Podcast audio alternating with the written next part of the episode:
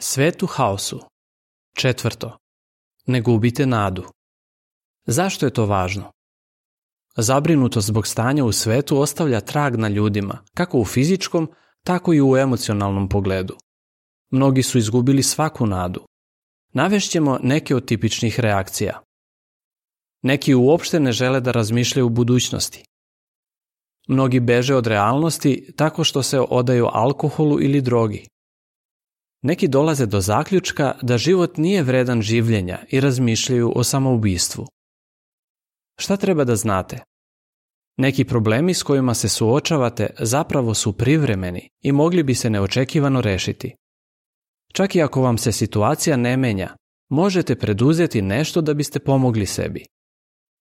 Biblija pruža pravu nadu jer govori o trajnom rešenju problema koji muče čovečanstvo. Šta biste mogli preduzeti? Šta kaže Biblija?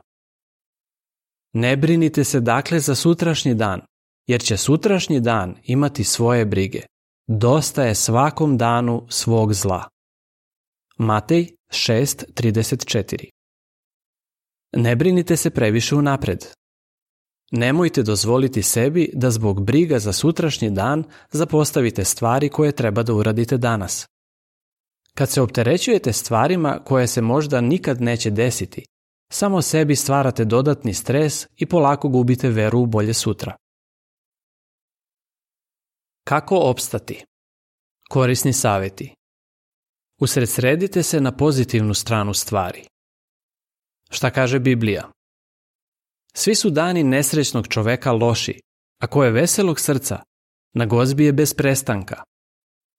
Poslovice 15.15 Negativan način razmišljanja će vas učiniti slepima za rešenja koja su vam zapravo na dohvat ruke. S druge strane, pozitivan stav će vam otvoriti oči za čitav niz mogućnosti kako da se nosite s nekom teškom situacijom. Nemojte previše gledati vesti niti pričati o njima. Svako veče nabrojite dve ili tri stvari za koje ste zahvalni. Napravite spisak šta treba da uradite, ali samo za taj dan. Veće poslove podelite na manje, pa ćete imati veći osjećaj postignuća kako koji deo završite. Nemojte sve nositi sami. Šta kaže Biblija? Onaj ko se osamljuje, odbacuje svaku mudrost.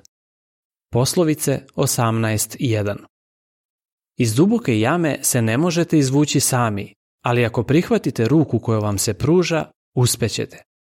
Zatražite pomoć od članova porodice ili bliskih prijatelja. Razmislite i o tome šta biste vi mogli učiniti za njih. Pomaganje drugima pomoći će vam da budete objektivniji kada su u pitanju vaši problemi. Ako ste na ivici očaja i mislite da život nije vredan življenja, dobro bi bilo da zatražite stručnu pomoć. Ponekad su intenzivna negativna osjećanja samo simptom nekog poremećaja kao što je depresija. Mnogi koji su potražili stručnu pomoć dobili su terapiju koja im je mnogo pomogla. U fusnoti piše Probudite se ne zagovara neku konkretnu metodu lečenja. Kraj fusnote. Biblija pruža pravu nadu.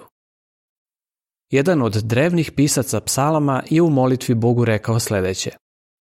Tvoja reč je svetiljka mojoj nozi i svetlost mojoj stazi. Psalam 119.105 Zašto možemo reći da je Božja reč, Biblija, poput svetiljke? Čoveku koji hoda po mrklom mraku, lampa pomaže da odredi kuda da ide. Slično tome, Biblija ima za nas praktične savete koji nam pomažu da donesemo neke teške odluke. Kad nam je put osvetljen, vidimo šta je pred nama. Slično tome, Biblija nam rasvetljava buduće događaje. Biblija je sveta knjiga koja ne samo što otkriva istoriju čovečanstva, već i njegovu svetlu budućnost. Ona pruža odgovore na važna pitanja. Kako? Kako je došlo do patnje? Biblija kaže Preko jednog čoveka je greh ušao u svet i preko greha smrt, i tako se smrt proširila na sve ljude jer su svi postali grešni. Rimljanima 5.12 Zašto? Zašto ljudi ne mogu rešiti probleme u svetu? Biblija kaže da čovek ne može čak ni da upravlja svojim koracima. Jeremija 10.23 Dešavanja na svetskoj sceni potvrđuju da je Biblija u pravu. Šta? Šta će Bog uraditi povodom toga? Biblija kaže da će on obrisati svaku suzu s njihovih očiju i više neće biti smrti. Neće više biti ni tuge, ni jauka, ni bola. Otkrivenje 21.4 Saznajte više. Pogledajte video zašto proučavati sveto pismo. Ukucajte taj naziv u polje za pretragu na sajtu jw.org. kraj článka